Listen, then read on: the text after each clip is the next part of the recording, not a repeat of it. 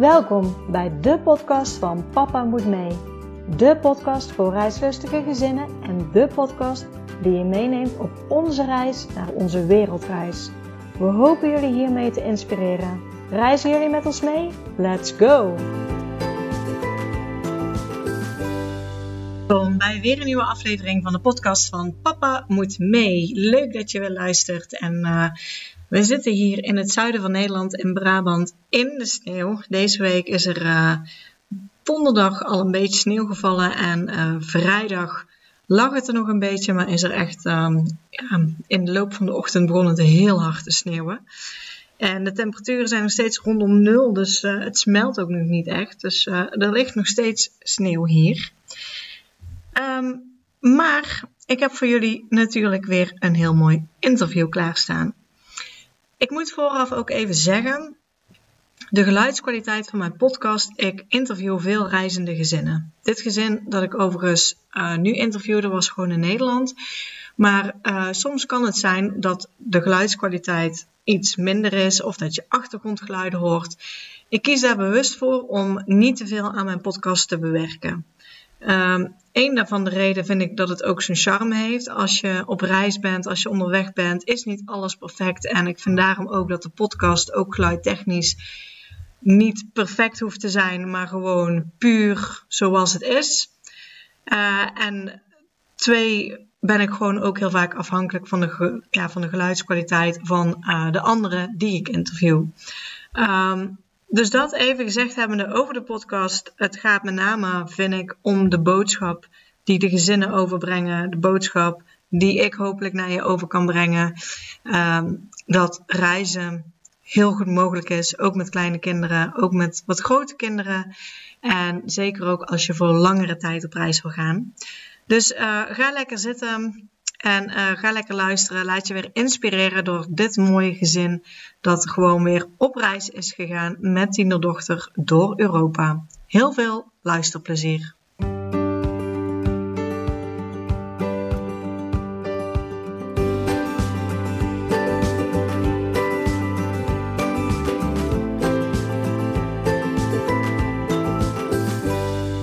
Hoi Femke, welkom bij de podcast van Papa Moet Mee. Dankjewel. Leuk dat ik uh, mag uh, meedoen. Ja, nou ja, altijd de eerste vraag. Zou jij jezelf en je gezin kunnen voorstellen aan de luisteraar? Jazeker. Uh, ik ben Femke Jaarsma, 45 jaar. getrouwd met Erik-Jan Koopmans, 47. En we hebben samen een dochter Lena, die is 10 jaar. En we wonen in Britsum, in Friesland. Ja, en jullie zijn natuurlijk op reis geweest. Ja, klopt. nog niet zo heel lang geleden. Althans, het, het, voelt alweer uh, een tijdje terug, maar uh, het is vier maanden geleden, dus op zich niet heel lang. ja, en we zijn vijf en een halve maand onderweg geweest. Dus we zijn ook alweer bijna zo lang thuis als dat we weg zijn geweest. Dat is best wel een beetje gek. Ja, ja kan ik me voorstellen. Waar kwam bij jullie het idee vandaan om weg te gaan? Um, ik denk dat dat een beetje in de, de jaren voorafgaand is ontstaan, zo gaandeweg. Want wij hebben, uh, Erik Jan en ik, mijn man en ik, hebben um, ongeveer twaalf jaar geleden een wereldreis gemaakt samen van negen maanden. Echt helemaal de wereld rond. En um, ja, dat was zo fantastisch dat we wel zoiets hadden van we willen dat wel weer een keer doen. Maar ja, toen wij terugkwamen was ik al vrij snel zwanger. En uh, ja, dan ga je toch een beetje een soort van andere levensfase weer in. Dat wil niet zeggen dat je niet op reis kunt dan, maar ja, wij zijn natuurlijk wel uh, dingetjes gaan ondernemen, ook met kind. En hadden op een gegeven moment wel zoiets van, als zij wat ouder is, misschien kunnen we dan eens wat langer weg. Maar ja, uh, dat, dat bleef een beetje, een beetje hangen. Dus dat, ja, we zijn wel wat kleinere tripjes gaan maken. Ook met een camper. De langste was een maand, volgens mij. toen was zij nog peuter. Dus ja, dan is het natuurlijk ook heel makkelijk om haar zo mee te nemen. Hè, midden in een, in een schooljaar, zeg maar. En um, ja, de, to, toen, was het, toen zij op een gegeven moment wat, wat ouder werd, toen dachten we van we willen dat eigenlijk wel weer doen. Maar ja, hoe dan? En toen kwam corona. Op het moment dat wij eigenlijk hadden besloten van we willen wel weer gaan. Uh, ook wel echt wel langer. Uh, nog niet heel erg goed over nagedacht hoe we dat dan met de leerplicht zouden doen. Maar wel zo van de plannen waren er. En toen kwam corona. Dus toen was het eigenlijk vooral ook van um, wat voor soort reis gaan we dan maken? Moeten we dan, kunnen we dan nog wel vliegen? Ja, voorlopig niet moeten we het dan toch nog weer jaren uitstellen? Dat vond ik eigenlijk wel jammer. Dus toen zijn we gaan nadenken termijn uh, toch weer een, een, reis te kunnen maken met z'n drietjes. En ehm, dus zo zijn we terechtgekomen bij een camperreis door Europa. In plaats van een, een, wereldreis rond de wereld met vliegen. Ja, want ik hoorde ze eigenlijk dat jij en jouw man waren al wel reislustig. Jullie hebben in ieder geval al een keer een wereldreis gemaakt. Ja. Op een gegeven moment, doordat jullie uh, jullie dochter kregen, werd het iets minder allemaal. Maar het bleef dus toen al wel op de achtergrond, want we zouden dit nog een graag een keer willen doen, maar als ze iets ouder is. Ja. En het eerste idee wat ik zo hoor, was dus ook om weer de wereld rond te gaan vliegen, net zoals jullie eerste reis. Alleen door corona werd dat op dat moment even moeilijk gemaakt. ja, ja. Hebben jullie toen bedacht, dan gaan we in een camper? Ja, klopt helemaal. Het is, ik moet ook zeggen dat de we zijn de afgelopen jaren ook heel erg uh, bezig geweest met duurzaamheid, ook in het verbouwen van ons huis. En, en dan begint vliegen ook een beetje te wringen van ja, kan dat nog wel? Uh, met z'n drieën de wereld rond. Um, dus dat was een beetje een samenloop van omstandigheden, ook met corona. Van ja, dat is gewoon niet mogelijk, want heel veel landen zijn gewoon nog dicht voorlopig. En, en ook van ja, weet je, hoe goed kennen we Europa eigenlijk? Ja, je gaat dus op vakantie naar Frankrijk of Spanje en, en vliegt een keer naar Ibiza en dat is het dan. En hoe, hoe, tof zou het zijn om wat dichter bij huis uh, eens rond te gaan kijken. En, en dan is de camper natuurlijk uh, ideaal als vervoersmiddel. Wil ik niet zeggen dat dat per se heel duurzaam is, zo'n zo'n oude diesel. Maar um, ja, iets overzichtelijker ook, ook uh, qua kosten natuurlijk. Ja, en qua organisatie. Ja. ja. Werd er bij jullie dan al vooraf veel gepraat over jullie idee dat jullie op reis wilden, ook met jullie dochter daarbij? Um, nou, ik moet zeggen dat, dat op het moment dat wij zoiets hadden van willen gaan, dat was denk ik een jaar voordat we ook echt vertrokken. Een jaar daarvoor, zeg maar. Dus dat begon toen een beetje. Um, toen hebben we het wel gelijk bij haar er ook ja, zeg maar in de groep gegooid, ook met haar erbij. We zijn, we zijn maar met z'n drieën, dus dat is ook uh, niet heel ingewikkeld al. Maar ja, wat, wat zou je ervan vinden? En, en omdat het voor haar heel abstract was, hè, van ja, een, een vakantie, dat kende ze, een paar weken lekker in de zomer. Maar daar kon ze zich niet echt een voorstelling bij maken. Dus haar eerste reactie was eigenlijk van, vind ik het leuk, was het ja en nee. Want ja, tuurlijk, avontuur, leuk, uh, lekker vrij zijn. En, en nee, ja, want dan ga ik waarschijnlijk wel mijn klasgenootjes, vriendjes, opa en oma heel erg missen. Dus ja, dat is, ja, maar goed, wij hadden het wel besloten. Dus in zekere zin had ze niet echt meer een, uh, uh, hoe zeg je dat, een stem daarin. Maar ze mochten er natuurlijk wel wat van vinden. Maar we hadden wel besloten van ja, hoe dan, hoe dan ook we gaan. We wisten alleen nog niet precies uh, hoe, wat, waar, wanneer. Maar ja. Ja, dus het was een beetje voor haar mixed feelings. Uh, ja. En ook natuurlijk lastig. Nog steeds, want ze is natuurlijk wel iets ouder, maar nog steeds op die leeftijd is um, ja, zoveel maanden weg zijn ja, heel apart voor een kind. Die kunnen dat vaak ook niet. Die hebben niet in de gaten wat dat betekent. Het nee, klopt. Ja, en dat, dat merkte je ook um, tijdens de reis. Dat besef. Um, dat op een gegeven moment, als je dan een beetje richting het einde komt, is het echt zo van: oh, hè, is het nu al bijna voorbij? Terwijl tijdens de reis hebben we natuurlijk ook wel momenten gehad van: ik, ik mis de mensen thuis. Of uh, dat het even niet zo gezellig is en dan lijkt alles lang te duren en dan wil je soms niet meer. Dan denk je, nou laten we rechtsomkeerd maken. Dus ja, dat heeft zij natuurlijk ook gehad. En ik moet zeggen dat, dat kinderen op die leeftijd, zij is dan tien, natuurlijk wel wat meer in het nu uh, leven. Dus wat minder besef hebben van, uh, van tijd. Dus dat maakt het ook wel weer makkelijker, denk ik, om zoiets te gaan ondernemen. omdat ze toch nog niet echt dat referentiekader hebben ook van hoe, hoe dat dan is. Nu, nu heeft ze dat natuurlijk wel. Dus als we haar nu vragen van, uh, zou je dit weer een keer willen doen, dan is ze wel, ik wil niet zeggen per se heel enthousiast, maar het lijkt van ja, maar hoe gaan we dat dan doen met school? Hè? Dat ze nu zelf echt gaat nadenken van ja, zometeen groep 8, het laatste jaar op de basisschool en dan de brugklas. Dus dat, dat tijdsbesef, dat komt dan na zo'n reis wel. Van nu weet ze wat het inhoudt om zo lang weg te zijn. Ja. ja, nu u weet wat het is. Ja. Nou, jullie hadden het idee, maar je zei al, jullie wisten eigenlijk niet goed hoe je het verder moest aanpakken om weg te gaan met een leerplichtig kind. Hoe zijn jullie dat uh, gaan aanpakken? Ja, dat, dat was, ik denk dat heel veel gezinnen daarmee worstelen. Van, je wilt wel en je hebt uh, echt uh, de grote plannen, maar hoe dan als je kinderen eenmaal naar school gaan? En dat hadden wij natuurlijk ook. Dus wij zijn eigenlijk uh, een beetje geïnspireerd door vrienden van ons. Dat zijn Tim en Sonja van Stay on Tour, die, die ook al een tijdje uh, mensen daarin begeleiden. Ja, lange, lange camperreizen en dan vooral met liplichtige kinderen. Hoe doe je dat onderweg? En um, omdat wij al bevriend met hun waren, was, uh, was het natuurlijk heel gemakkelijk om eens even met hun in gesprek te gaan. We hebben ook een masterclass bij hun gevolgd, echt gericht op, op reis gaan met liplichtige kinderen. En zij hadden die ervaring zelf al, dus konden dat goed uh, aan ons uh, vertellen, de, de, ja, hoe je het aanpakt, maar ook ja, hoe het er dan in de praktijk uitziet. Dat het natuurlijk altijd uh, mooier lijkt dan het is, vrijheid, blijheid. En dat je toch altijd wel weer struikelblokken tegenkomt. Maar ja, feit blijft wel, in Nederland is het gewoon, in principe um, kan het gewoon niet. Um, moet je dus eigenlijk het zien te omzeilen, de leerplicht, door je uit te schrijven. En er gebeurt heel veel op dat gebied. Dus het kan maar zo zijn dat het binnen nu en in een paar jaar allemaal wel anders wordt. Um, maar wij hebben ons wel uitgeschreven om die leerplicht uh, te omzeilen. En dat was ook de tip die wij van Tim en Sonja kregen.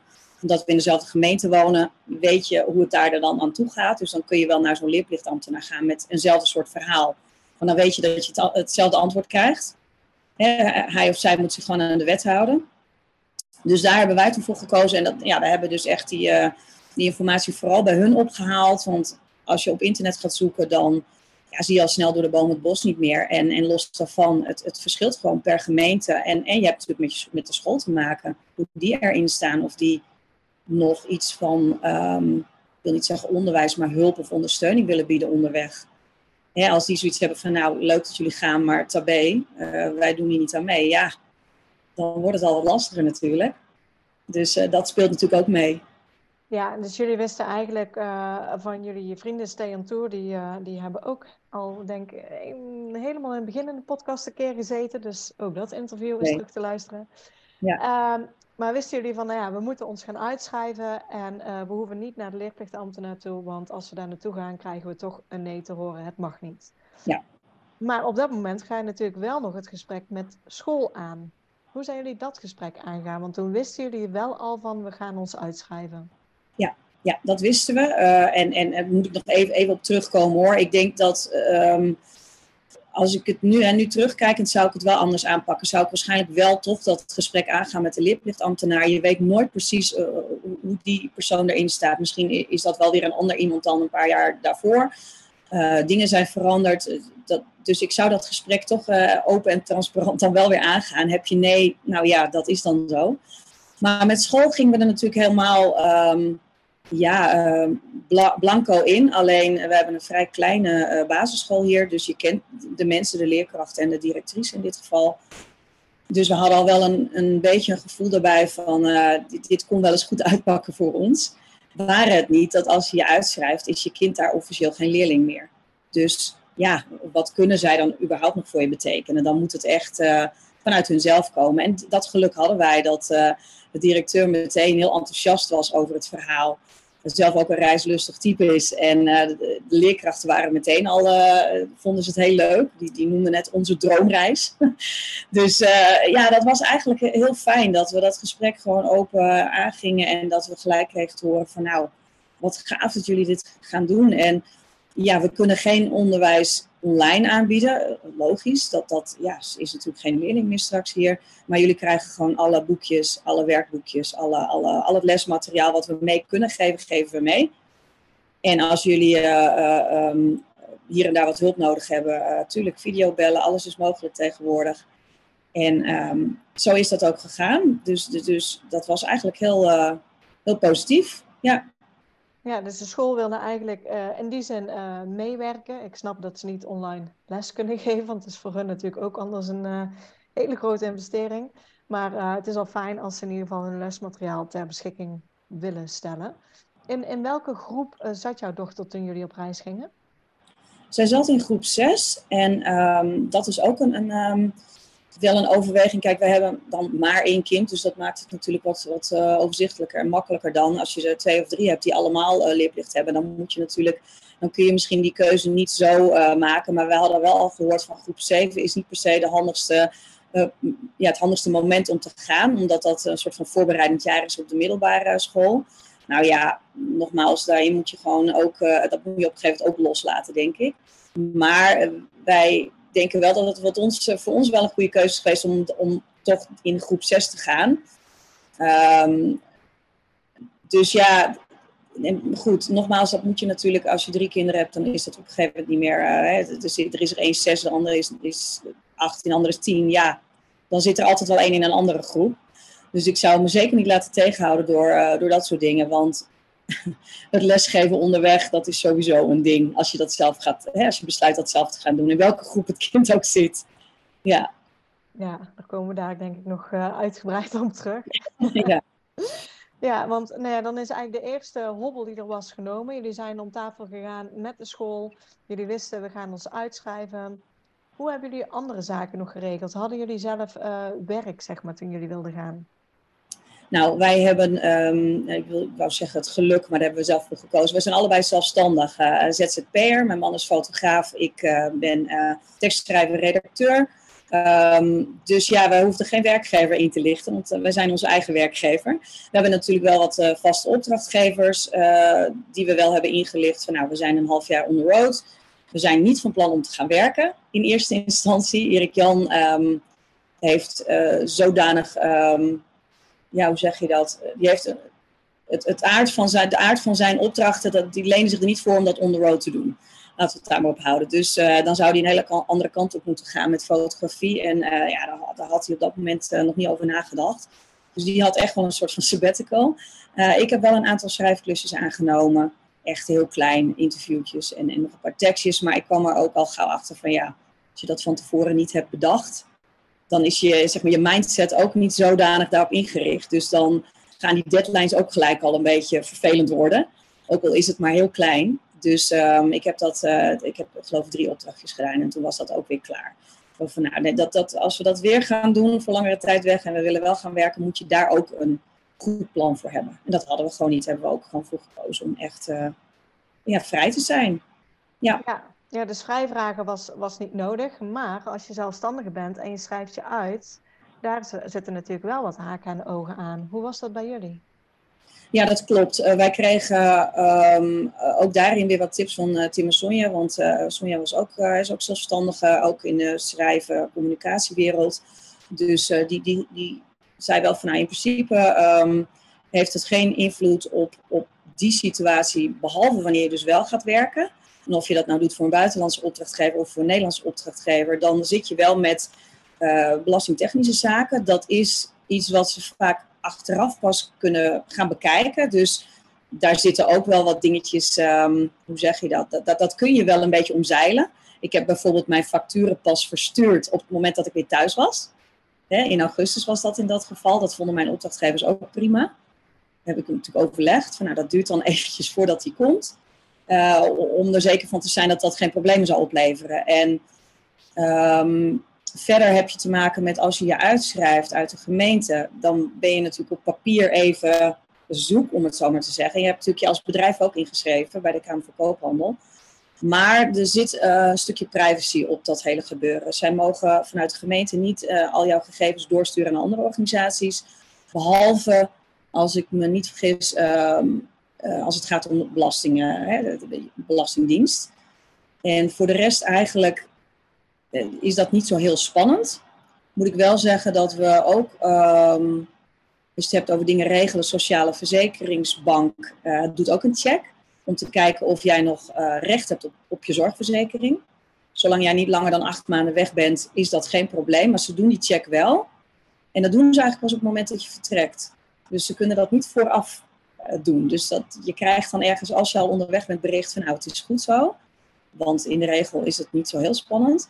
Maar die, uh, die, die, man van de Sociale Verzekeringsbank, een hele aardige meneer was dat overigens, een hele aardige mens in mijn uh, ervaring.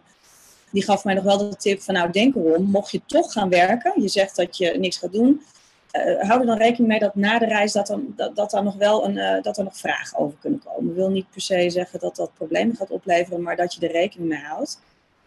Maar ja, wij hebben het dus anders op, opgelost door, doordat ik mijn facturen pas verstuurde op het moment dat ik weer thuis was. Dus ja, ja ik kan daar ik kan niet heel veel over zeggen. Hè, als je wel echt op reis gaat werken, wat dat dan voor, uh, eventuele Nee, maar ik, ik denk het belangrijkste, want de mensen die een eigen bedrijf hebben, die vinden het altijd lastig. Eh, je hoort twee verhalen. Eén bij de KVK, als ik me uitschrijf, kan ik dan nog in, in, in blijven, uh, ja. ingeschreven blijven staan. Die zocht ik bij, bij de KVK. Uh, eh, nou, daarbij geef jij dus eigenlijk aan, dat kan gewoon. In jullie geval is dat ook gewoon uh, door kunnen blijven gaan, want de gemeente mag dat niet doorgeven aan de KVK. Dus je kan je KVK gewoon behouden. Het fijne daarvan is, als ondernemer heb je natuurlijk een eigen BTW-nummer, noem maar op. En ja. als je dat moet stoppen, moet je dat weer opnieuw aanvragen. Nee, dat loopt inderdaad allemaal door. En, en dan is het wel zo, daar hebben wij voor gekozen. Bij de gemeente vroegen ze bij de uitschrijving. Ja, wat officieel, uh, ja, hoe moet ik het zeggen, dat ambtelijk systeem, dat werkt dan zo. Omdat er natuurlijk geen andere optie is dan uitschrijven, in dit geval. Ben je eigenlijk gelijk geëmigreerd op papier dat ben je natuurlijk niet. Tenminste, wij wisten, wij komen terug. Maar zij hebben maar één vinkje wat ze dan aan kunnen tikken. Uh, en, en dan krijg je dus ook echt een formulier van, je bent uitgeschreven. En op het moment dat jij je weer inschrijft, ben je er natuurlijk weer. Maar als jij langer dan acht maanden weg bent, dan ben je ook echt. Dan gaat dat ook echt in werking en dan ben je ook echt vertrokken. Ja, wij wisten natuurlijk dat we terug zouden komen, dus we hebben alles laten doorlopen. En we hebben daarbij ook uh, meteen adreswijziging gedaan, waardoor de post van bijvoorbeeld de Kamer van Koophandel dan gewoon op dat alternatieve adres komt. Dus niet meer het adres waar wij uh, officieel wonen, hè, ons huis zeg maar, maar in dit geval bij mijn schoonouders. Dus dat er nog wel een postadres is. Een postadres geef je dan als het ware op. En die kan je ook opgeven bij uitschrijving. Bij de ja, alleen uh, dan zijn er nog wel weer, de dame van de gemeente vroeg ons nog uh, hebben jullie ook een adres in het buitenland? Want wij hadden natuurlijk een, een, een soort van verhaaltje bedacht van we gaan ons oriënteren op emigratie. Want ze vragen natuurlijk wat is de reden voor je vertrek? Ja, ja officieel denk ik ook weer dat ze, ze, vragen het en jij hoeft niet per se te antwoorden. Je kan ook gewoon zeggen ja we gaan een tijdje reizen. Maar zij vroegen ons toch om een adres. Toen hebben we gewoon een adres van een camping in Portugal opgegeven. Waarvan we wisten dat we daar gaan we sowieso naartoe. En daar is ook toen wat post gekomen onder andere van de Belastingdienst, want voor de rest, uh, alle andere instanties, die, die, die, die, die worden niet ingelicht. Dus alleen voor de Belastingdienst kwam daar post. En dan kun je zeggen, ja, dat is vervelend, want dan, die post blijft daar ook als jij daar niet meer bent. Maar uh, ja, die krijg je ook digitaal, dus die, die, die ontvang je natuurlijk wel. En op het moment dat jij weer inschrijft in Nederland, dan vervalt dat postadres. Maar ja, ik, ik vraag me af of, ze dat echt, of dat echt verplicht is om dat op te geven. Wij hebben het gewoon gedaan en dachten, nou prima dan. Ja, dat, dat hangt een beetje per gemeente af. Want de ene geeft bijvoorbeeld alleen maar een land op en geen adres. Dus daar kan er ook geen post naartoe. Uh, de andere geven niks op. En sommige gemeenten staan erop om een adres in te vullen. Dus dat kan een beetje verschillen inderdaad. Nou, ik weet niet of zij daar heel uh, stellig aan vast had gehouden. Wij hadden gewoon zoiets van, we wisten dat al een beetje weer door de ervaring van anderen. Van nou, ze kunnen erom vragen, wees erop voorbereid. En hoe, hoe voorbereid je ook bent, je zit daar toch misschien wel grappig om te vertellen, met rode koontjes. Omdat je toch het idee hebt dat je een beetje een verhaaltje aan het vertellen bent dat niet helemaal klopt. Dat weet jij alleen.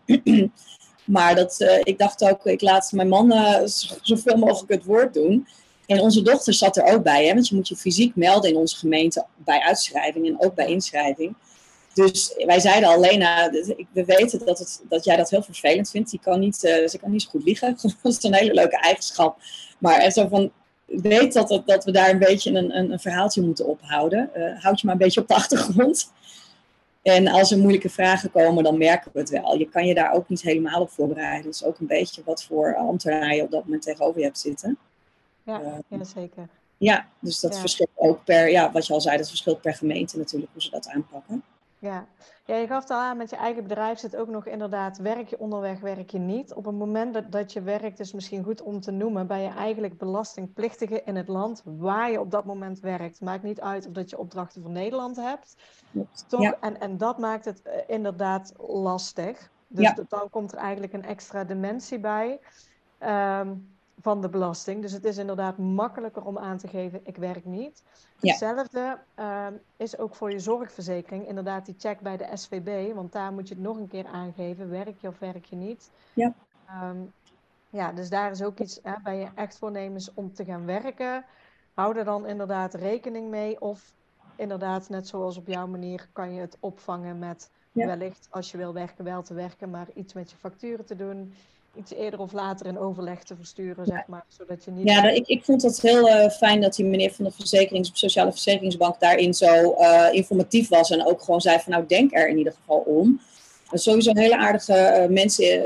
we hebben een aantal keren contact gehad. Ook op een gegeven moment ging er iets mis. want je kunt alles dus wel voorbereiden. Maar daarin heb ik zelf, denk ik, een paar steken laten vallen hoor. Dat je dus krijgt te horen van nou, het is definitief. Het is helemaal goed. Jullie hebben gewoon recht op jullie zorgverzekering. En ergens na een aantal maanden reizen kregen wij bericht, ons, jullie dochter is uitgeschreven uit, uit de verzekering, zeg maar, van de verzekering af. Hoe, dan? Uh, hoe kan dit? En uh, bleek nou, ik, uh, wij zitten dan bij dit zo, bleek dat ik die bevestiging van de SVB niet had doorgestuurd naar um, dit zo. En ik denk, die, die hebben contact met elkaar. Dat had ik in mijn hoofd, dat, dat die communicatie, maar later dacht ik, oh nee, ik had natuurlijk, ze hadden nog gezegd, stuur die bevestiging even, die pdf even naar ons door. We weten het nu wel, maar we willen graag toch even die bevestiging. En op de een of andere manier was onze dochter op een gegeven moment dus niet meer ingeschreven. Terwijl ze zit bij mij op de verzekering, dus dat vond ik ook wel bijzonder. Maar dan schrik jij, want je denkt als er nu iets gebeurt, weet ik veel, dan is zij dus niet verzekerd. Maar ook dit zo was daarin heel uh, coulant. Die zeiden van, oh nee, als je die bevestiging doorstuurt, maken we het in orde met terugwerkende kracht. Dus mocht er in de tussentijd wat gebeuren, dan en met terugwerkende kracht is ze dan even goed verzekerd. Dus ja, die beide organisaties hebben wel ehm, goed meegedacht en, en uh, waren wel heel flexibel daarin. En ook uh, de SVB die zeiden van, hé, hey, wacht even, wij, uh, er was ook iets misgegaan met... Um, ik moest nog een, iets invullen. Ik denk dat dat wel te maken had met onderweg op reis ook nog. Dat ze daar toch nog een paar vragen over hadden. Ik weet het niet precies. En dat ze zeiden van je moet dat voor een bepaalde datum inleveren. Je hebt nu nog een week. En dat deed ik in die laatste week en toen kon het niet meer. De termijn was verstreken, terwijl dat dus niet zo was. Dus heb ik natuurlijk. Nee, sorry, uh, dat kan helemaal niet natuurlijk. Dat is je hebt helemaal gelijk. Dus dat werd ook weer teruggedraaid. Dus ik denk maar van ja, als je toch gewoon. Je hoeft natuurlijk niet alles te vertellen maar ja, het anders opgelost. Ja, ja zeker. Ja. Ehm, dan zit je ook nog, qua belastingen ben ik uh, ook even benieuwd. Hebben jullie toen jullie terugkwamen ook al een M-formulier gekregen? Want dat hoor je ook dan als je terugkomt, dat je dan weer een, uh, ja, een soort uh, immigratiebiljet moet invullen? Um, staat me niet iets van bij. Nee, wij hebben eigenlijk, wij wisten wel, we moeten ons fysiek natuurlijk gelijk weer melden bij de gemeente, want dat kan je niet uh, online bij ons doen, uh, opnieuw inschrijven weer. En um, daar hebben we dan een week of twee weken later een bevestiging van gekregen. Dat is ook nog wel een grappige. Uh, ik moest natuurlijk onze dochter Lena weer aanmelden bij school. Nou vraag ik me af of dat hele afmelden bij die school, dat weten we ook niet helemaal zeker hoe dat is gelopen. Want daar krijg je verder niet echt een bevestiging van. Maar goed, wij, wij dachten wel van ja, zij moet natuurlijk weer ingeschreven. Maar dat kan pas als ze weer ingeschreven is in de gemeente. Dus toen wij thuis kwamen, uh, zeiden ze bij de gemeente: ja, het is hier druk en ziekte, vakantie. Kan wel eens twee weken duren of drie weken voordat die inschrijving rond is. Toen dacht ik: oh god, dat heb ik natuurlijk wel nodig om haar weer. Ja, ook niet, niet echt goed over nagedacht. Want dat zien we dan wel als we weer thuiskomen. Ja. Beetje, een beetje stom natuurlijk, maar nou ja, dat, zij had even goed wel naar school gekund. Ik denk niet dat de school had gezegd van je komt er niet in. Maar uh, ja, ik, ik kan me niet heugen dat we verder nog, uh, los van die bevestiging, nog andere formulieren daarna hebben gekregen. Behalve dan, je zit gelijk weer in het systeem en je krijgt post van het RIVM of je kind vaccinaties wil en dat soort dingen. Maar niet uh, van de Belastingdienst. nee. En dan qua, qua verzekeringen, want jullie zijn en ondernemer, daar lopen misschien wat uh, verzekeringen rond. Uh, jullie reizen met een camper, dus je hebt de camperverzekering, reisverzekering en je bent uitgeschreven. Hoe hebben jullie dat gedaan? Nou, dat is wel heel leuk, want als je je uitschrijft, dan uh, wordt, wordt de camperverzekering sowieso wat lastig. Want je moet eigenlijk ingeschreven staan. In Nederland wil je een, een camperverzekering afsluiten. Er is wel een um, camper, ja, laten we zeggen, verzekeraar die, uh, die, die zich daarop uh, gestort hebben. Dat, uh, dat heet, die heet SafeTrip. Um, die werkt weer met allerlei tussenpersonen. Maar SafeTrip is in ieder geval de tip die wij kregen. Van, ga daar eens informeren. En die hebben dat inderdaad voor ons voor elkaar gekregen.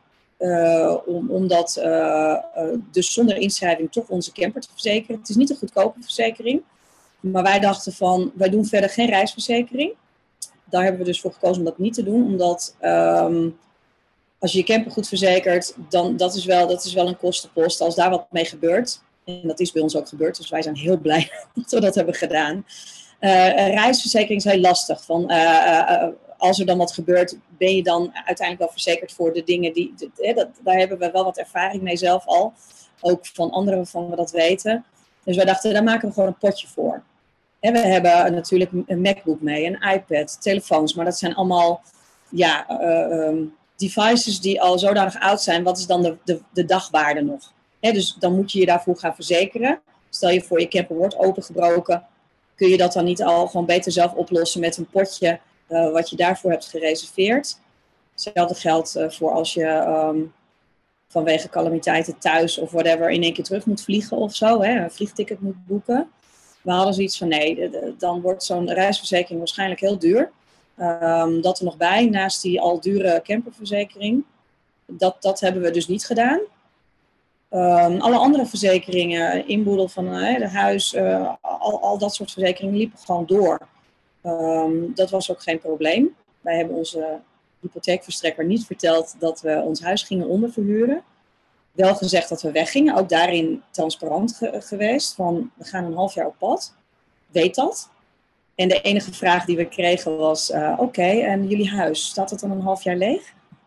Ja, um, nee. We hebben iemand die op ons huis en op de katten past. Oh, nee, goed. Niks gezegd over een constructie van verhuren waar geld mee gemoeid is. Want dan wordt het een beetje uh, lastig uh, voor hun ook. Daar gaan ze er misschien wat van vinden. Maar ze vinden het ook niet fijn als een huis een half jaar leeg staat, hè? Nee, nee, dat, nee, dat vinden sommige, ook sommige verzekeringen. Die willen juist dat er, mag je maar zoveel maanden leeg staan. Ja. Er moet iemand inzetten, ja. Dus wij hadden zoiets van, wij zijn in, in zekere zin eerlijk. Ja, er past iemand op ons huis en op de katten. Nou, dat vond, ja, dat is natuurlijk ook... Um, weer, dat zijn tussenpersonen. Dus die, die, die, die hebben ook zoiets van, nou prima dan. Wij uh, geven dit door aan de, hè, de, de uiteindelijke verzekeraar, die, uh, waar jullie uh, alles hebben omgebracht. En dan is daar melding van gemaakt, klaar. En zo is dat ook gegaan. geen gedoe van gehad. Um, ook niet van de mensen die in ons huis zaten. Dat, daar hadden we ook gewoon afspraken mee van... Um, gaat er iets stuk, geen probleem, laat het even weten. Het waren natuurlijk bekenden, dus dat helpt wel. Maar we hebben wel een huurcontract ook met ze opgesteld. Om ook daarvan weer ja, verzekerd te zijn van, um, ja, mensen moeten er ook weer uit als wij thuiskomen. En dat de huur gewoon uh, betaald werd op tijd. Dus daar zat nog wel een makelaar tussen. Ja. Ja. Ja, dus inmiddels hebben we denk ik alles geregeld. School, verzekeringen, jullie bedrijven, uh, het huis ook. Um, wanneer was de datum die jullie gepland hadden om te vertrekken? Um, nou, we hadden de, de voorjaarsvakantie uh, in gedachten. Nou, dat is dan een week. Dus we hadden zoiets van, nou, laten we dan uh, het weekend nog even uh, meepakken. En dan gaan we die maandag gaan we vertrekken. Toen heb ik me een beetje verkeken op het uitschrijven gebeuren. Want tegenwoordig kun je niet meer zomaar naar de gemeente toe en dan je melden. deels door corona, maar ik weet ook niet precies of dat met uitschrijven überhaupt... Dat had ik dus niet helemaal goed ingeschat. Dus op het moment dat ik een afspraak maakte bleek dat niet te kunnen op die dag. Dus hadden wij in één keer een, een weekend. Uh, oh, help, uh, mensen komen al in ons huis. Waar moeten wij heen? Oké, we hebben een camper, daar kunnen we dan alvast in gaan zitten. Dus uiteindelijk uh, hebben we nog een weekendje bij mijn schoonouders gezellig gelogeerd. En toen zijn we op maandag 28 februari vertrokken. Dat zou eigenlijk een weekje eerder, maar goed, hè, we hadden die speling, dus ja. Ja, ja, en, en jullie hadden die camper, hebben jullie die speciaal aangeschaft voor deze reis of hadden jullie die al? Nee, die hebben we wel aangeschaft. Um, omdat we natuurlijk eerst eigenlijk plannen hadden om, een, uh, om, om ja, de, rond de wereld te gaan. Eenzelfde soort route te pakken als uh, twaalf jaar geleden. En dan um, met onze dochter, dus uh, ja, vliegreizen. En um, omdat we dus een alternatief wilden gaan zoeken om, om toch die reis te kunnen maken, kwamen we al snel uit bij een camper. Want ja, je kunt wel iets met uh, huurauto's, um, um, hotellen onderweg. Ik weet niet precies hoe je dat zou, zou doen dan in Europa. Maar um, ja, het is ook niet heel gezellig voor een kind. In, in een hotelkamer met z'n drieën. Ook een beetje, wordt ook wel heel cozy dan, denk ik. Een camper is al, is al klein, maar dan heb je in ieder geval je eigen bed ook. Dus dat werd al snel ook weer geïnspireerd een beetje door mensen om je heen. En en vooral Tim en Sonja die dat al hadden gedaan. We hadden natuurlijk één keer eerder in een camper al een reisje gemaakt. Een maandje. En we hebben het campertje van Tim en Sonja een keer een weekend geleend. Om daar eens even van te, ja, eens even te proeven hoe dat dan is. En uh, dus, dus toen hebben we gedacht van nou, laten we hem zelf aanschaffen. Want huren is gewoon, dat wordt, dat, dat wordt uh, veel te grote kost. En misschien is dat wel wat voor ons om dan die camper ook te houden daarna. Dus wij hadden zoiets van nou, dat is de investering wel waard. En hadden we wel het geluk dat we de helft eh, van het bedrag van de, van de, van de aanschaf van mijn moeder konden lenen. Want ja, ook dat is dan weer van ja, heb je daar geld voor op dat moment? Ja. Want je hebt natuurlijk ook je, je reisbudget, hè? dat moet je natuurlijk ook uh, gaan organiseren. Ja, zeker. Ja. ja. jullie, jullie hadden de camper, het was in uh, februari en, uh, en jullie vertrokken. Hadden jullie een, een route in gedachten? Of hadden jullie zoiets, we kijken naar het weer, we rijden gewoon waar we naartoe willen? Nou, kijk, omdat wij natuurlijk een, een, eigenlijk een half jaar daarvoor hadden besloten, um, dat is nog wel een leuke. Wij hadden dus um, een jaar voordat we uiteindelijk op reis gingen bedacht, we gaan op reis. Nou, corona was nog steeds een ding, dus toen was al, uh, al gauw zo van, nou, misschien is dan een camperreis iets. En toen bleven we toch daar een beetje in hangen, nog steeds een beetje met dat corona-verhaal van, ja, hoe dan? Ook al gaan we door Europa, dat is ook al ingewikkeld.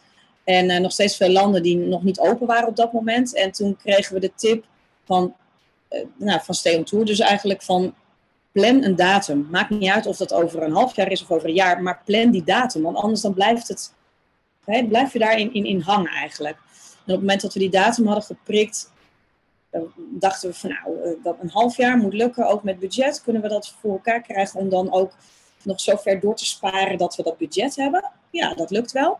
Ja, toen kwamen we uit in februari. En dan is het toch al snel van als je niet uh, uh, naar Scandinavië gaat, want ja, dan hoef je niet zo heel erg op het weer te letten misschien.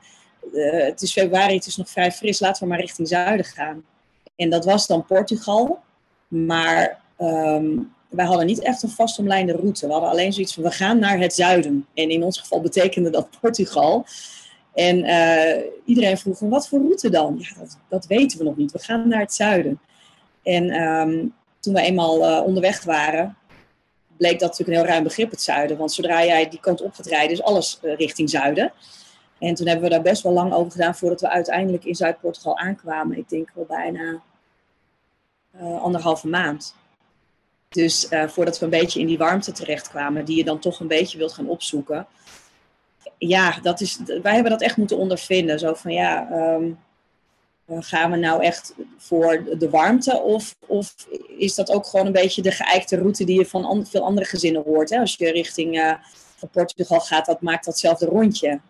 Uh, je gaat die kant op en je gaat weer omhoog via Spanje. En dan, ja, nou ja, de bekende route zoals wij die veel voorbij hadden zien komen. Dus we hebben het eigenlijk daarna een beetje losgelaten. Zo van toen we eenmaal in Portugal waren, weer... daarna lag het eigenlijk open. En hadden we vooral zoiets van, we willen wel naar Griekenland. Italië, dat kennen we al, die, daar willen we vrij vlot doorheen. En we willen graag de Balkan gaan verkennen. Dus dat was een beetje globaal. Als je het dan toch over een route hebt. Wat ja, we en, en hoe heeft jullie route er dan uiteindelijk uitgezien? zijn jullie overgestoken naar Italië, naar Griekenland en de Balkan? Of hoe hebben jullie ja. uh, uiteindelijk gereisd? Uiteindelijk hebben we dat wel uh, zo gedaan, alleen we wisten nog niet precies hoe. We hadden zoiets van, um, ja, als we via Italië, uh, dan, dan kunnen we daar vrij vlot doorheen. Maar als we naar Griekenland willen, dan moeten we daar dus door de Balkan, Griekenland en dan weer terug door de Balkan. Dan, dan heb je eigenlijk een beetje, dan doe je dubbel de route een beetje dezelfde kant langs. Ook al kun je daar, die landen zijn natuurlijk ook uh, groot en zo, dus je kunt dat wel anders doen. Maar wij wilden ook wat, wat tijd uh, besparen eigenlijk, om het zo maar te zeggen. Wat minder kilometers maken um, door een boottocht te maken van um, Barcelona naar Italië. Zodat we die kilometers niet hoeven te maken. En dan vanuit Italië vrij vlot naar het, het noorden om daar weer de boot te pakken om in Griekenland te komen. En um, dat, dat, dat hoorden we ook om ons heen van mensen die we onderweg spraken, die dat ook gingen doen. En toen dachten we van ja, oké, het is niet per se een. Uh, um, het scheelt geen kosten, want die, die boottickets zijn nog relatief duur dan. Maar het scheelt wel heel veel kilometers en uh, onderweg zijn en, um, en tijd. Dus uh, uiteindelijk hebben we dat zo gedaan en zijn we dus ja, eigenlijk Noord-Spanje Portugal, zuiden van Portugal, omhoog in Spanje, de boot naar Italië. Daar een weekje geweest toch nog. Toen uh, weer uh, om, omhoog gereden, zeg maar, een stukje. Dus op de kaart bekijkt omhoog Italië. En dan daar weer de boot naar Griekenland. In Griekenland hebben we ongeveer drie weken rondgereisd, langer dan gedacht. We dachten, we gaan een weekje even aanhaken bij reisvrienden en dan gaan we snel die Balkan in. Maar Griekenland bleek verrassend leuk en heel uh, lekker ook om daar rond te reizen. Dus dat hebben we langer gedaan dan gedacht, waardoor we in de Balkan weer een beetje in de knel kwamen met de tijd. Wat allemaal prima was, want wij hadden gewoon iedere keer zoiets we zien het wel, als het hier mooi is, blijven we hier en wat langer. En uiteindelijk door die Balkan gereisd, uh, Albanië, um, Montenegro, Bosnië-Herzegovina en toen via Oostenrijk, um, ja, België uiteindelijk. Nee. Ja, gaaf. Mooie, mooie route. Z zijn daar nog landen die jullie dan uh, uiteindelijk verrast hebben? Misschien Griekenland, want dan geef je aan, daar zijn we langer gebleven dan dat we ja. op voorhand dachten. Maar uh, ja. ja. wat zijn een beetje de verrassingen tijdens jullie reis geweest? Um, nou kijk, het is wel grappig, want als je nu terugkijkt, dan denk je, ja, we, hadden zoiets van, we gaan naar, naar, Portugal en daarna zien we wel. En, en ik kende dat land ook nog niet. En, en, hoewel we daar een hele mooie tijd hebben gehad en, en op zich relatief lang zijn geweest in, in totaal. Um, kijken, maart, april, mei, nou ik denk al 2,5 maand, drie maanden natuurlijk Portugal, Spanje uh, hebben rondgereisd. Uh, wat heel bijzonder was, ook omdat we daar leuke mensen hebben ontmoet, die we later in Griekenland weer uh, zijn gaan opzoeken is toch maar Griekenland het, het meest bijgebleven. Uh, omdat we daar ook gewoon drie weken achter elkaar echt met, met dat andere gezin hebben rondgereisd. Het was echt heel bijzonder. Zo'n goede klik met mensen hebben en, en ja, daar zo hetzelfde in staan. En gewoon achter hun aanrijden. Want dat vond ik persoonlijk heel lekker om het niet zelf uit te zoeken. Zij hadden iets meer een plan voor Griekenland. En ik ben iemand die dat heel leuk vindt om het uit te zoeken. Maar als ik het los kan laten, is het ook heel lekker. Net dan, als je dat eenmaal doet. Ja. En uh, toen kwamen we natuurlijk wel een beetje, wat ik al zei, in de knel in Albanië. Omdat we dachten, nou, dan hebben we daar echt nog uh, de tijd voor om dat helemaal te gaan verkennen. En dat, dat werd dus uh, een wat kortere tijd. En hebben we toch wel geprobeerd zoveel mogelijk daar, um, hoe moet je dat zeggen, met de tijd die we hadden, het, zo ingevuld dat we er niet doorheen dus, dus dat, betekent dat je dan een land als Slovenië, waarvan we eerst zoiets hadden van, nou, dat willen we ook echt gaan bekijken, dat hebben we toch een beetje moeten laten gaan. Omdat je begint in het zuiden, je komt via Albanië binnen. Ja, dat is dan meteen als iets van, wow, dit is gaaf. Ja, eh, wat, wat gaan we dan doen? Gaan we nu doorcrossen naar het volgende land of gaan we dit even ervaren? En, en dat is dan wel je eerste kennismaking met uh, de Balkan. En, en ja, dat was gelijk al heel bijzonder. En uh, dan ga je naar Montenegro, hetzelfde verhaal eigenlijk. Um, ook echt met, uh, op campings waar lokale mensen de boel runnen. En, dat je een beetje een kijkje krijgt in het leven daar. En uh, vervolgens kom je in Sarajevo, Bosnië-Herzegovina. En dan ben je weer gewoon in een grote stad. En dan, dan denk je van, oh ja, dit is, het is mooi, maar met, met de geschiedenis die daar, uh, die daar natuurlijk zit. Maar het is ook weer gewoon een stad. En dan is het, is het ook wel heel mooi om een land echt, laten we zeggen, de cultuur een beetje mee te pikken. Ja, en daarna hadden we gewoon ja, te weinig tijd om nog andere Balkanlanden uh, echt uh, te verkennen. Dus hebben we Slovenië ja, echt moeten overslaan, helaas. En um, we hadden we ook, het was ook een beetje omdat we op een gegeven moment in de zomervakantie zaten. En um, zoiets hadden van, we willen niet allemaal doorgesjeest thuiskomen. Ja, dat, dat je aan het einde van die reis niet meer dat gevoel hebt van, ha, maar dan in één keer bam, bam, bam door. Ja. En dan natuurlijk wel een soort van, ja, hoe zeg je dat, einddatum omdat je, je hebt ook iemand in je huis zitten en je, en je wilt dat op een gegeven moment moet je dat ook weer overnemen. Plus dat we wel hadden bedacht van we willen, uh, het zou fijn zijn als Lena nog een paar weken thuis heeft om te acclimatiseren voordat ze weer naar school moet. Dus uh, hebben we op het, op het laatst echt gezegd van we laten dat los. We gaan die Balkan gewoon nog een keer, uh, daar gaan we nog een keer een apart rondje voor maken. Om dan die dingen te pakken die we nu... Ja. Hoe, ehm, hoe was het onderweg? Jullie hadden natuurlijk een, een dochter bij die al tiener was. Jullie moesten schoolwerk doen. Um, hoe was het voor jullie om onderweg te zijn? Ja, dat is echt, uh, dat, dat, moet je wel even inkomen.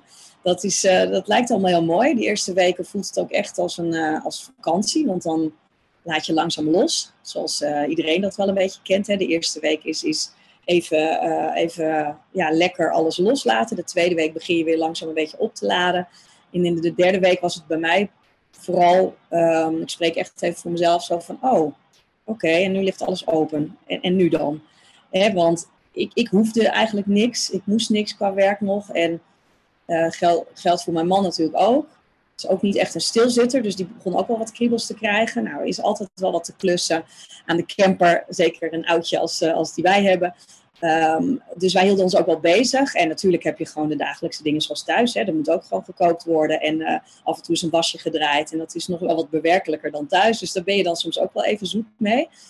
Maar Lena had natuurlijk wel een uh, klein beetje de verplichting uh, om, om dingen aan school te doen. En ja, dat, dat deed ze ook. Maar niet altijd met evenveel motivatie. En het was niet altijd even gezellig. En um, ook dat is natuurlijk makkelijk achteraf nu praten. Um, zij, zij moest wel iets en wij niet. En dat is eigenlijk een beetje oneerlijk. En zeker voor een kind van tien, toen nog negen, was dat af en toe wel pittig. En ik vind eigenlijk uh, chapeau voor haar dat ze daar toch nog wel zich goed doorheen heeft weten te worstelen. Met heel veel gezeur en gedoe en geschreeuw af en toe. Maar ja, dat, ja, wij hadden wel meegekregen van school van als zij straks in groep 7 lekker weer mee, mee wil doen, niet te veel achterstand wil, wil in, ja, hebben, dan is het wel handig als je wel wat aan school doet. Maar ze zeiden er ook bij, doe je niks, kan een keuze zijn, dan komt het ook wel goed. Dus wij hebben daar zelf een beetje de beslissing in gemaakt van nou laten we in ieder geval proberen het hoognodige te doen. En dat hebben we ook gedaan en dat was af en toe gewoon pittig en op een gegeven moment hebben we het ook gewoon losgelaten. Zo van weet je, het is bijna zomervakantie, geldt ook voor je klasgenoten. Laten we het laatste stuk van de reis gewoon gezellig uh, allemaal vrijheid, blijheid. Uh, anders wordt het wel een beetje vervelend, denk ik. Ja, ja, ja snap ik. Hoe is het uiteindelijk uh, gegaan, zeg maar, na, toen ze weer instroomden uh, nadat jullie terug waren, qua niveau? Um, nou, zij, zij heeft het uh, geluk dat ze een gemiddelde leerling is met, nee, noem het maar even, bedoel ik verder niks mee hoor, geen, geen rugzakje op wat voor manier dan ook eigenlijk. Dus een, een vrij vlotte leerling uh, waarvan we dus wel wisten van nou, dat komt waarschijnlijk wel goed. Maar um, we hadden toch gevraagd aan de leerkrachten, willen jullie toch wat toetsjes nog doen? Hadden ze zelf ook al wel bedacht. Hè, de toetsjes die je dan vaak in juni krijgt voor het einde van de zomer, voor de zomervakantie. Uh, en daar bleek wel uit dat ze een lichte achterstand had, maar allemaal niet heel spannend. Die, zij wist al wel van nou, Lena die, die pikt dat straks gewoon weer op. Komt wel goed. Geen in die zin zorgwekkende situatie. En al was dat wel zo geweest, dan hadden we ons er ook wel mee gered. Maar dat, dat hadden we dus wel redelijk goed ingeschat van tevoren. Het enige waar ze eigenlijk, wat hun opviel, was dat ze heel erg moest wennen aan het klassikaal uh, gebeuren. Dus uh, je vinger opsteken, wachten tot je aan de beurt bent. Um, je, even, even stilhouden tot, tot, uh, tot, tot jij je vraag mag stellen. zelfstandig werken in stilte niet compleet, hè, niet de hele tijd maar ervan uitgaan van, oh, uh, ik, ik, kan nu gelijk mijn vraag stellen en die wordt ook meteen beantwoord. Nee, dus uh, dat, was, dat vonden ze zelf heel grappig om te zien ook. Van, hé, hey, wacht even, dat is een duidelijk verschil met, ja, voor de reis en na de reis. Dus, en dat is volgens mij nu inmiddels alweer helemaal ingelopen en weer gewend. Ja, ja. gaat snel bij kinderen. Dus, ja, die, ja, en nogmaals, zij is wat dat betreft wel heel... Uh, ja, moet ik zeggen, gemiddeld klinkt het misschien, misschien het, het juiste woord, maar vrij makkelijk en flexibel. En ik denk dat ze door de reis eigenlijk alleen nog maar flexibeler is geworden. En uh, daar gewoon lekker in, in meegaat. En ik heb wel het idee, en dat heb ik haar de afgelopen tijd een paar keer gevraagd, van vind je het misschien ook een beetje saai op school soms? ja, ja, en dan geeft ze dat, ja, niet met zoveel woorden aan, maar wel, ik heb wel het idee dat zij... Uh, um, wat dat betreft wel, wel eens wat uitdaging mist nu. Maar goed, dat is ook de, haar, haar, haar capaciteit überhaupt, dat ze wel vrij vlot leert. Dat ze misschien sowieso uh, wel eens zoiets heeft van, nou oké, okay, ik zeg verder niks, want dan moet ik misschien ook nog wat harder werken, laat maar. Ja. Het is wel goed zo. ja. ja. ja. toch? Ook lekker makkelijk. Ja, ook dat, zeker. Ja. ja. En zo was het tijdens ook. Zij wist dat denk ik wel, haar, haar, haar ergens haar, um, haar kunnen. Hè? Zo van, nou, oké, ik ga toch niet uh, blijven zitten. Ik hoef het jaar toch niet over te doen. Ik, ik, we zien het straks wel. Als papa en mama dat ook uh, goed vinden, nou. ja. ja.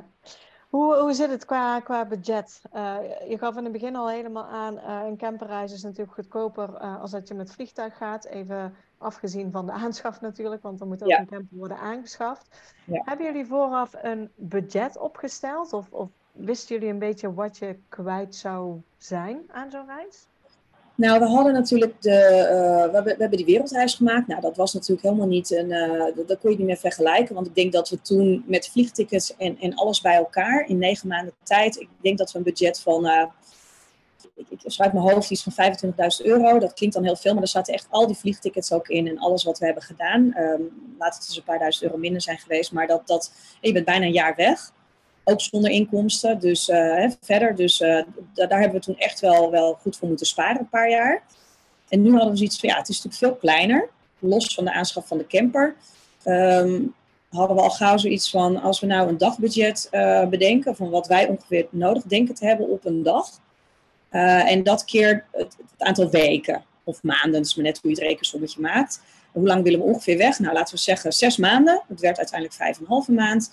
En dan gewoon het rekensommetje maken. En toen hadden we um, bij uh, Tim en Sonja uh, gevraagd, wat was jullie dagbudget destijds? Zij hadden volgens mij 65 euro. Dat vonden wij aan de lage kant. dus wij dachten, laten we dat 75 euro, uh, laten we dat verhogen naar 75 euro. Dat geeft wat meer speling. En, en dat keer na het aantal dagen. En toen kwamen we uit met die 5,5 maand op een budget van ongeveer 12.000 euro, zo even uit mijn hoofd. Um, en wij hadden al een beetje gespaard uh, voordat we de datum hadden geprikt. En dat hadden wij eh, zo ingevuld dat um, ik werk part-time, mijn man toen uh, fulltime. Alles wat ik inbracht, even netto, hè, BTW uh, eraf, ja. dat gaan we wegzetten. Want dat is iets wat nu, we, we, leven nu gewoon en het gaat goed, maar dat, we, kunnen, we weten wat we ongeveer elke maand weg kunnen zetten. Laten we dat eens gaan sparen. En kijken waar we dan komen. En op het moment dat we de datum hadden geprikt, wisten we van nou, we hebben nu nog een half jaar. Hoeveel moet er dan nog bij? En we, hebben, we weten dat we ongeveer 12.000 euro nodig hebben. Toen, toen, wisten we al van dat gaan we makkelijk redden om die 12.000 euro bij elkaar te sprokkelen. Dat was wel gelijk onze hele spaar dan. Hè? Dus die was dan wel even leeggetrokken na de reis. Maar, um, en de camper hadden we natuurlijk de mazzel mee. Daar moesten we natuurlijk ook, dat was ook van datzelfde uh, budget eigenlijk wel. Dus bovenop die 12.000 wisten we natuurlijk dat mijn moeder de helft zou uh, gaan bekostigen. Dus dat was nog een keer 6000 euro voor ons. Um, dus al met al laten we zeggen 18.000 euro. Maar 12.000 echt voor het reizen. En dan zijn we ook echt binnengebleven. We hebben ons echt heel goed aan, die, uh, aan dat dagbudget gehouden. Uiteindelijk werd dat een weekbudget en later een, een maandbudget. Omdat je een dagbudget, ja, dat, dat, dat is niet heel realistisch om te doen. Want als jij een keer gaat tanken, je gooit de tank voor 100 euro vol, dan kun je verder natuurlijk niks meer. Ja. Maar we hebben het echt in een boekje bijgehouden, echt op papier. En uh, het was ook een leuke sport om te kijken van, hé, hey, we hebben deze maand, oh, we hebben nu al, al 100 euro, 200 euro over. Kunnen we weer iets leuks uh, gaan ondernemen? Ja. Ja, dus, want dan uh, moet ik denken aan, aan het dagbudget. Daar zit in overnachting. Maar ik, ik weet niet, heel veel camperaars die staan ook heel veel wild. Dus het is niet dat je iedere keer kosten hebt aan overnachten. Uh, daar zit in boodschappen. Natuurlijk afhankelijk van het land waar je bent, is het duur en goedkoop. Mm -hmm. En meestal de grootste kostenpost bij camperaars is inderdaad uh, ja, de, de benzine, de diesel uh, ja. van je camper. Ja, dat was precies bij ons ook. Zo, wij zagen het ook echt zo. Dat is, dat is voor het reizen. En dan hadden we natuurlijk wel eens een aankoop. Um, bijvoorbeeld, um, Lena moest een um, nieuwe bikini of ik noem even wat hoor. Wij hadden zoiets ja, dat hadden we thuis, had ze ook dingen nodig moeten hebben. Hè? Dus, dus nieuwe kleren of nieuwe schoenen of uh, voor onszelf gold dat niet, want ja, wij hadden gewoon kleding mee en hoeft eigenlijk, uh, je hebt niks nodig. Maar zij groeit natuurlijk, dus was er wel eens wat nodig. Dat geldt ook wel voor uh, dingen die stuk gingen onderweg, bijvoorbeeld van de camper. We hebben twee dakramen moeten vervangen. de koelkast was iets mee, hè, extra kosten die je dus onderweg daarvoor maakt. Dat namen we dan niet mee in dat reisbudget. Um, ja, dan kan je zeggen dat is een beetje um, vals spelen.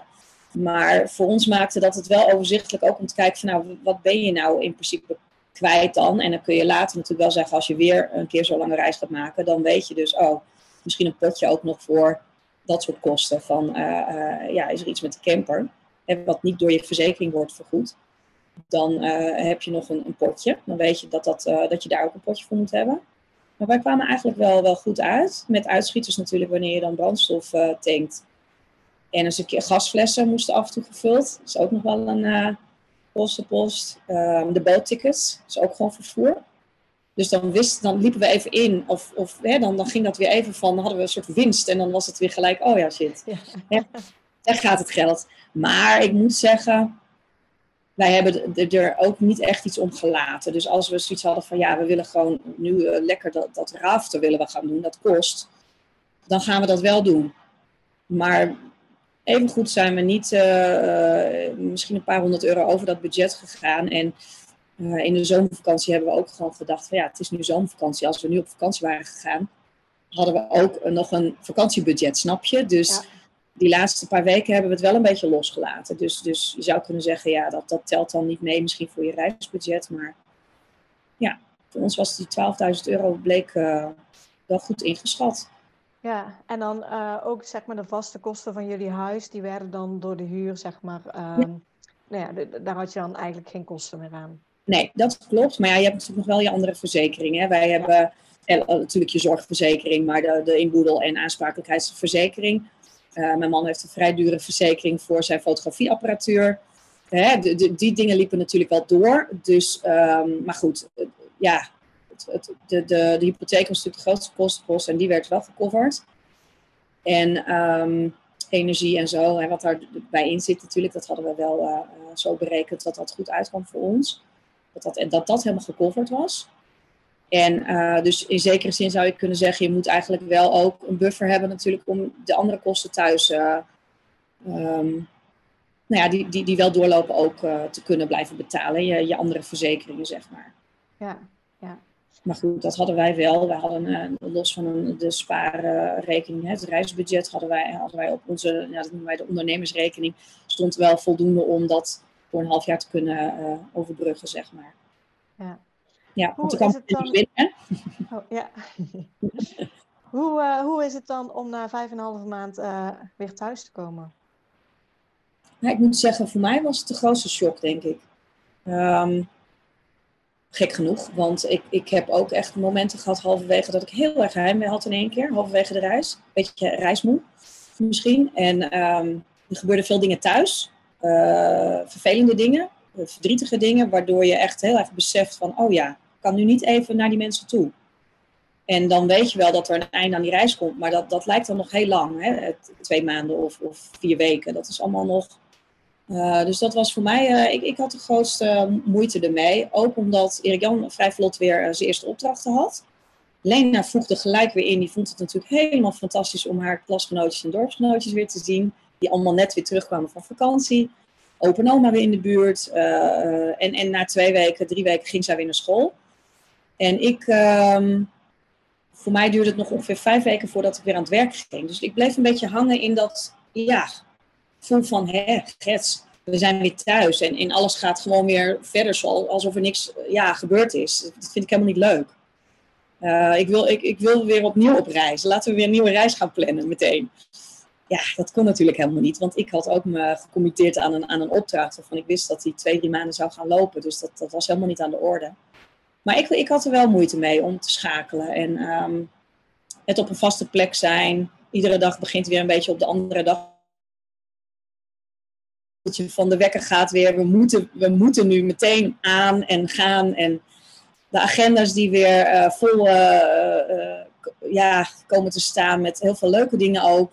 Maar ook wel ja, weinig ruimte bieden om, om spontaan dingen te doen. En, en ja, als je dat een half jaar lang wel zo hebt gedaan, ja, ik vond dat heel erg wennen.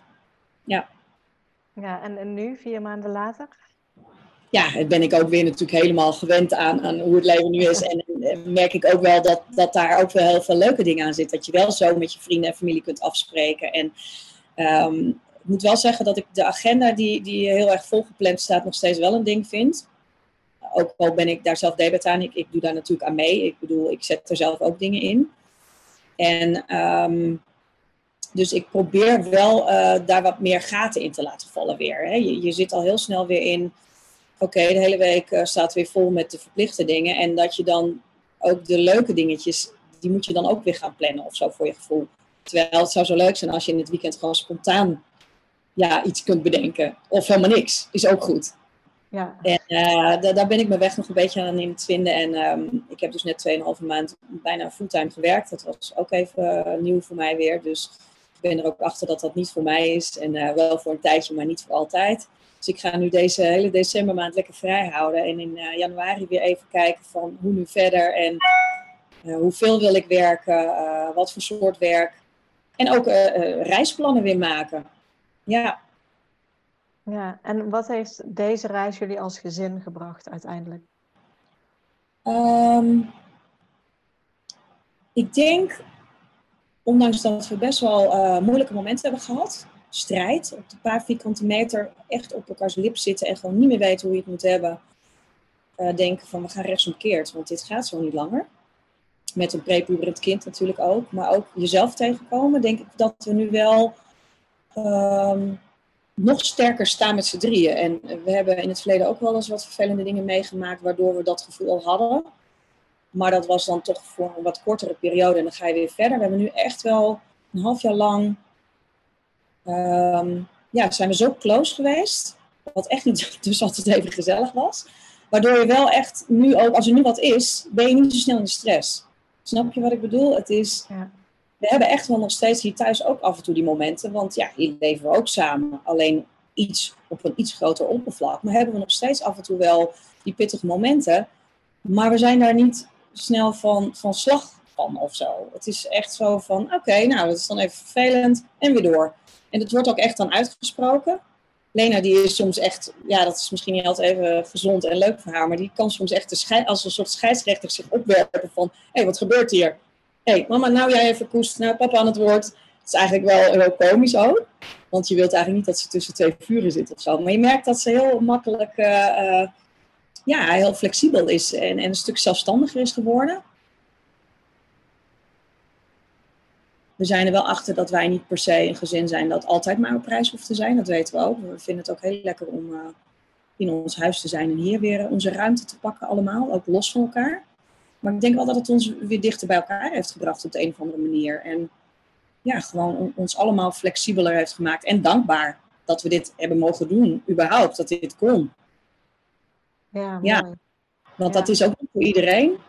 Ook, sommige mensen willen het heel graag, maar dan kan het gewoon niet. Dat besef ik ook heel goed. Ja. Dus je, ja, je, je wordt wel weer dankbaarder voor uh, wat je met z'n drieën hebt en dat we dit hebben mogen doen. En um, ja, gewoon sterker staan met z'n drietjes. Ja. Heb jij nog tips voor gezinnen die uh, ook voor langere tijd op reis willen? Nou, als je het wil, dan dat zou heel mooi. Maar uh, de gouden tip die wij kregen en die ik nog steeds de wereld inwerp, is prik een datum. En um, ik snap wel dat je kan niet zeggen, ik ga overmorgen. Ik bedoel ook echt van, hè, als je nog niet hebt gespaard, dan is het wel handig om wat. Maar voor ons was het echt, dat was echt het moment van, oh, oh oké, nu dan? ja, nou niet voor ons, maar prik voor jezelf een, een datum. Hè? Als andere mensen dat tegen je zeggen, dan denk je, oh help. Op het moment dat we dat deden, en wel ter plekke hebben we het dus gedaan toen. Oké, we gaan voorjaarsvakantie, bam. Dan wordt het ook echt. En dan gaat het echt leven en dan moet je ook dingen gaan regelen. Dan ga je dat ook doen, die dingen regelen, want je weet, daar heb je ook tijd voor nodig.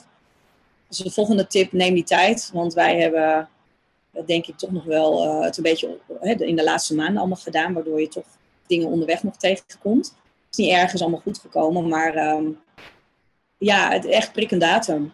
Als je echt zeker weet, dit wil ik doen, eh, beren op de weg, die zijn er altijd. En, en liplicht, ja, dat is even lastig. Maar ook, ook, ja, als je die liplicht niet meer hebt, dat is dan misschien de laatste tip, de derde tip. Wij hebben dus wel gepoogd uh, nog wat les te geven. Achteraf denk ik, je hebt geen liplicht, hè? Dus je, je had het niet hoeven doen. Ja. inzicht echt van, oh ja, eh, wat gek eigenlijk, we hadden het niet hoeven doen. Hè? Ja. Maar ja, dan, dan kun je dus wel hebben dat je kind een heel jaar over moet doen. Ja, hoe erg is dat op een heel mensenleven? Als je kind dat zelf heel vervelend vindt, dan weet je wat je moet doen. dan, dan moet je het misschien wel doen, maar dat was voor mij nu wel nog uh, vier maanden na dato, na terugkomst, een soort van, oh ja, we hadden, ook, we hadden eigenlijk niks hoeven doen. Hè? Dan, hadden we misschien wat minder strijd gehad. Maar ja, ja. Het, het leerzaam dus. Ook. Ja, precies. Uh, is er nog een uh, social media account waar ze ja, nog ehm, foto's terug kunnen kijken van, van jullie reis of zo? Ik heb niet heel veel. Ik heb op uh, Femke Jaarsma, mijn Instagram, heb ik wel dingen over onze reis gepost. een aantal echt berichten, zeg maar, die je terug kunt vinden. Maar ik heb vooral heel veel in stories gedaan, omdat het ook vaak momentopnames zijn. En ik merkte dat die berichten kosten mij wat te veel tijd om daar dan hè, een heel verhaal bij te maken. En dat gevoel heb je dan toch dat er een verhaaltje bij moet. En met een Instagram story met beelden al heel veel zien en zeg, laten zien en heel veel zeggen. Daar moet ik eigenlijk nog uh, eens even highlights van maken. Hè? Want dan kun je ze natuurlijk heel mooi terugvinden. Uh, nou, misschien dat dat in de komende weken dat ik daar de tijd voor vind. Maar um, en verder zou ik gewoon uh, gaan kijken. Bijvoorbeeld Stay on Tour, die hebben weer heel veel contacten ook. Waar, waardoor je dus erachter komt, oh wat zijn er toch veel gezinnen die dit, dit doen. En ja. Travelicious op Facebook volgens mij is ook wel een goede. Daar staan ook heel veel andere gezinnen in die ook elkaar heel veel tips geven. Dus ik zou zeggen, ga op die socials vooral andere gezinnen volgen. En ook uh, weer ontvolgen als je denkt, deze mensen doen het op zo'n manier, dat, dat kan ik helemaal niks mee. Dat kan ook, hè. heb ik ook gehad dat ik dacht, nee, dit, is, dit gaat een hele andere hoek in. Dat hoef ik ook allemaal niet te volgen. Dus daar moet je ook gewoon lekker je, je eigen weg in, uh, in vinden. Iedereen doet het op zijn eigen manier, dat, dat reizen met kinderen. Dat sowieso. Je moet altijd je eigen weg vinden erin. Ja, ja. ja dat is ook mooi. Yes, nou dan wil ik jou ontzettend bedanken voor uh, nee, tijd en uh, alles wat je met ons gedeeld hebt. Nou, jij ook bedankt voor de uitnodiging. leuk om alles weer even ook te herbeleven zo. Dankjewel.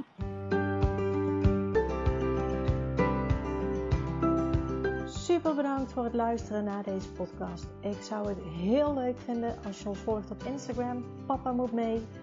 Deel deze vooral in je stories als je hebt geluisterd en tag ons. En laat ons weten wat je ervan vond. Tot de volgende keer.